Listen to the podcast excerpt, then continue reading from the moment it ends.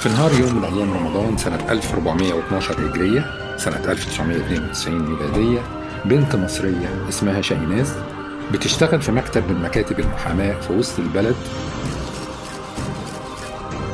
عاملة في بار في نيويورك اسمها كيتي جينوفيز. عمرها 28 سنة تم اغتصابها وقتلها جنب العمارة اللي هي ساكنة فيها. امال إحنا جايبينكم ليه يا جماعة عشان تتفرجوا زيكم زينا؟ المطافي والشرطة اتصلوا بحرس السواحل عشان ينقذوا الراجل. الشرطة قالت إن الإنقاذ مش شغلتنا دي شغلة المطافي. والمطافي قالت إحنا مش متدربين ننقذ ناس في البحر. ولو اتحطينا في موقف بشع زي ده سواء كشهود أو تم التعدي علينا نتصرف إزاي لإنقاذ ما يمكن إنقاذه؟ لإنقاذ ما يمكن إنقاذه. لانقاذ ما يمكن إنقاذه.